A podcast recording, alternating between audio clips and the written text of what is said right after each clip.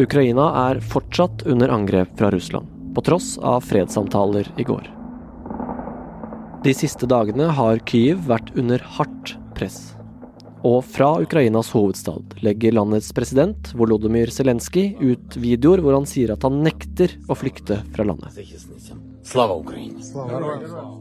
På sosiale medier omtales han som en helt, og det brukes ord som modig og frihetens ansikt. This is one tough guy. Yeah. Ukraine's president has remained there, becoming a symbol of defiance for the country as it faces the Russian threat. Transformed from an American political footnote to the new face of freedom and defiance. Han har blitt symbolet på den ukrainske kampviljen mot den militære stormakten Russland.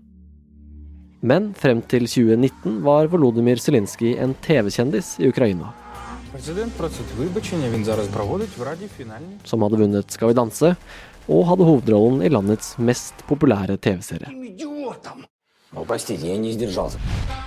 Hvordan ble en av Ukrainas største kjendiser den heltemodige presidenten på frontlinjen i Kyiv? Du hører på Forklart, og jeg heter David Vekoni. I dag er det tirsdag 1. mars. Volodymyr han eh, vokste opp i Kriviri, som er en by på omtrent på størrelse med Oslo. Dette er det sørøst i Ukraina, hvor eh, veldig mange snakker russisk. Han er gift med en jente som han gikk på skolen sammen med, men de var ikke noe spesielt venner den gang. Eh, men nå har de altså to barn. Datteren hun er 18, og sønnen er 9. Og det er sånn bilde av dem som sirkulerer mye nå, hvor de har ansiktsmaling, og han gutten gjør litt ablegøyer og sånn. Det idylliske familiebildet som utenriksjournalist Kjetil Hansen snakker om her, har du kanskje sett hvis du har fulgt med på det som postes om Zelenskyj i sosiale medier nå.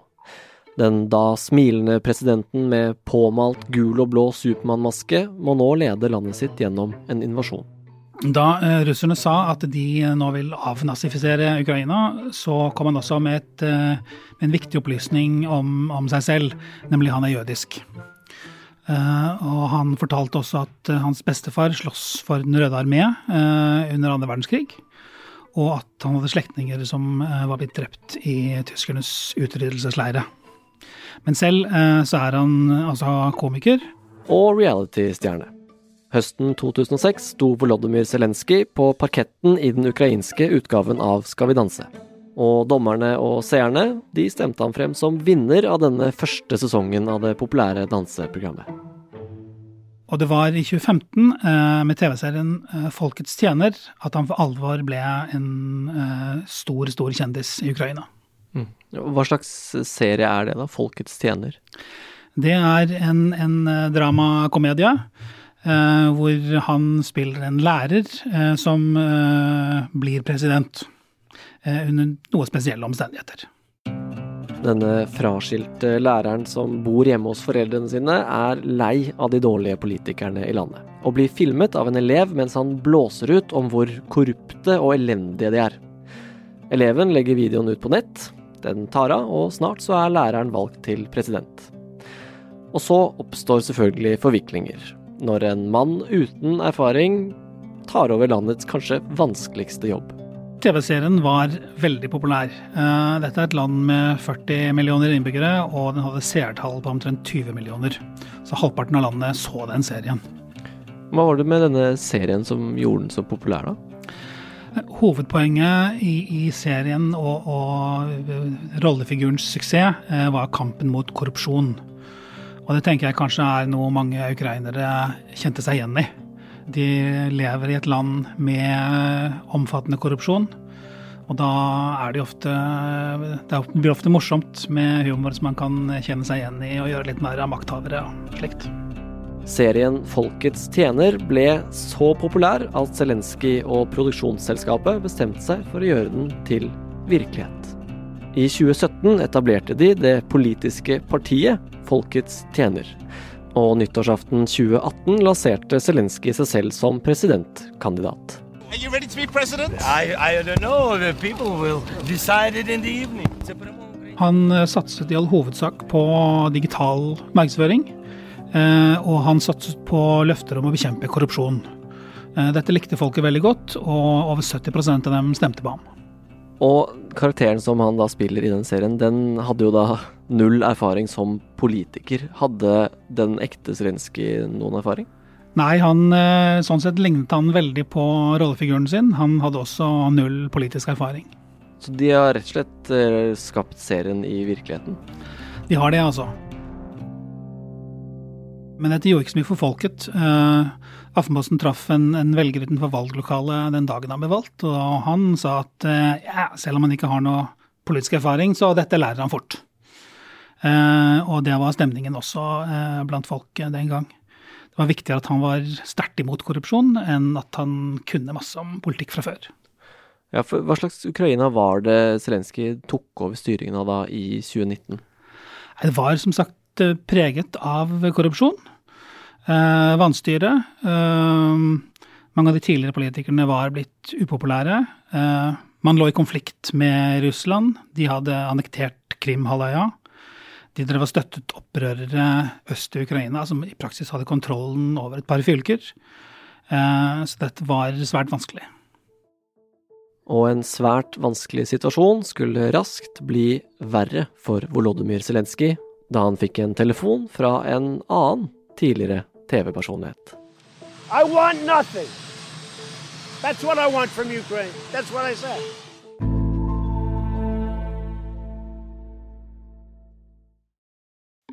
Den første sommeren etter at Zelenskyj var valgt som president, fikk han en telefon. Og den skulle gjøre ham kjent langt utenfor Ukrainas grenser.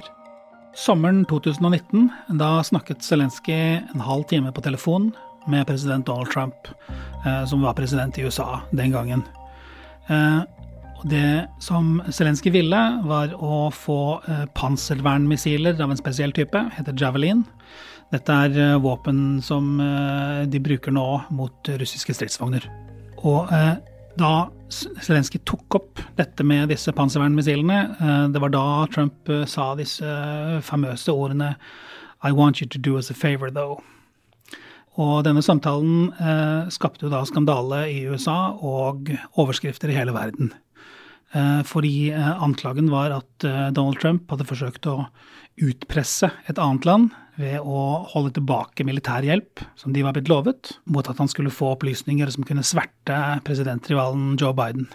Og det førte jo da senere til at uh, Trump ble stilt for riksrett for første gang, og, og ble frikjent for første gang. Men hvordan påvirket eh, den samtalen Zelenskyj?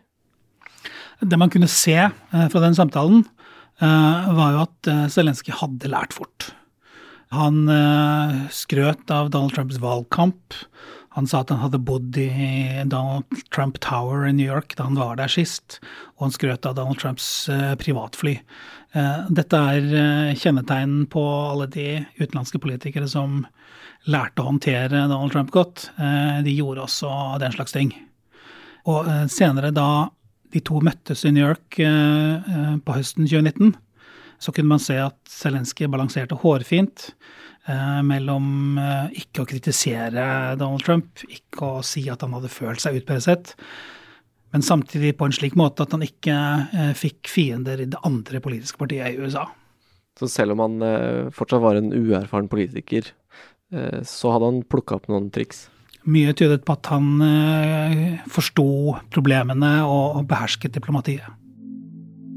Men alt var ikke rosenrødt rundt Zelenskyj. Før han ble utnevnt som krigshelt på sosiale medier, så var det også noen kontroverser rundt ham hjemme i Ukraina.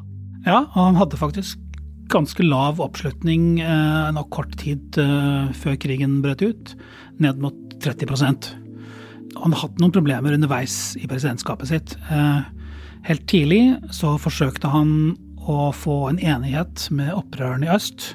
Og da syntes folk at han var for russiskvennlig. Eh, og da fikk han problemer pga. det. Senere så dukket navnet hans opp i de såkalte Pandora Papers, som er en sånn lekkasje av papirer om skjulte formuer.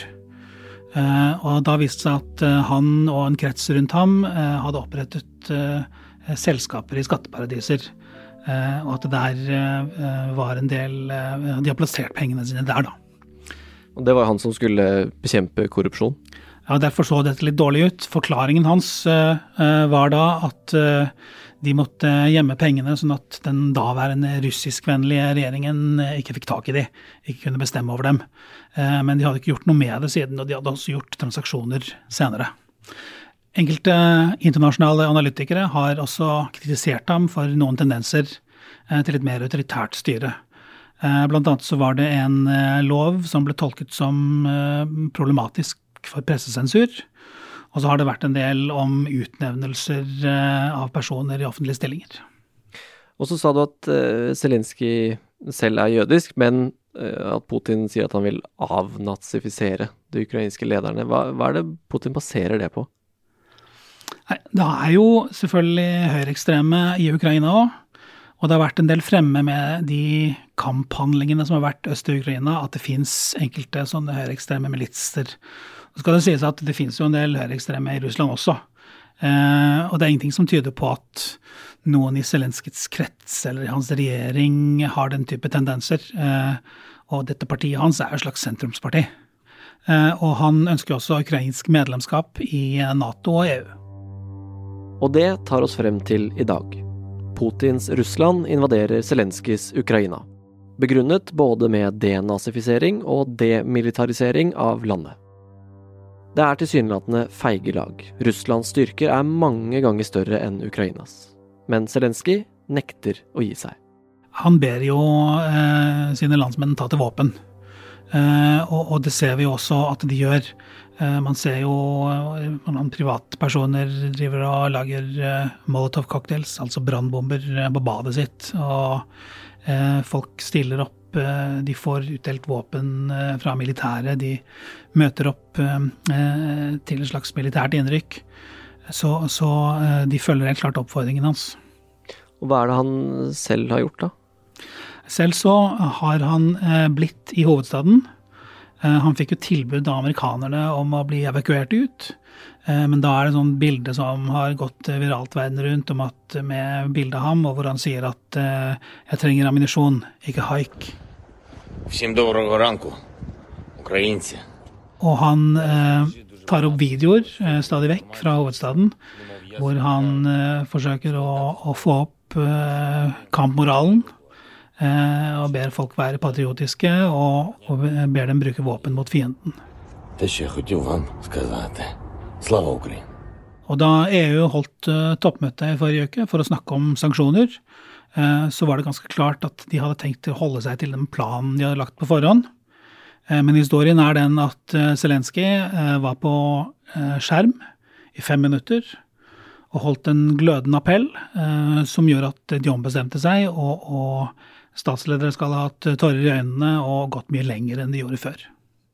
Hva slags heltehistorie eller status er det som har blitt bygd opp rundt Zelenskyj nå i denne krigen? Ja, Da er det slik at eh, Zelenskyj har eh, redefinert eh, sin egen rolle mange ganger i løpet av livet. Han studerte først juss, men jobbet aldri som jurist. Så ble han komiker. Så ble han skuespiller og kjendis i Ukraina. Og så ble han president, og nå er han altså en slags sånn krigsleder som går rundt i hovedstadens gater, kledd i militærgrønt. Snakker om kampvilje, patriotisme og, og får folk til å stå mot fienden. Um, det kan hende at hans bakgrunn som skuespiller er fordelaktig eh, nå som disse budskapene går ut på film. Eh, så kan det hende at eh, han kan dette med fremførelse og sånn. Vi har jo sett at at eh, det har vært eh, greit eh, for å ha bakgrunn som skuespiller for andre politikere før. F.eks. USAs president Ronald Reagan på 1980-tallet. Og Arnold Schwarzenegger, som var guvernør i California tidlig på 2000-tallet. Så hans bakgrunn som skuespiller har tjent ham godt inntil nå. Og så får vi se hvordan det går videre.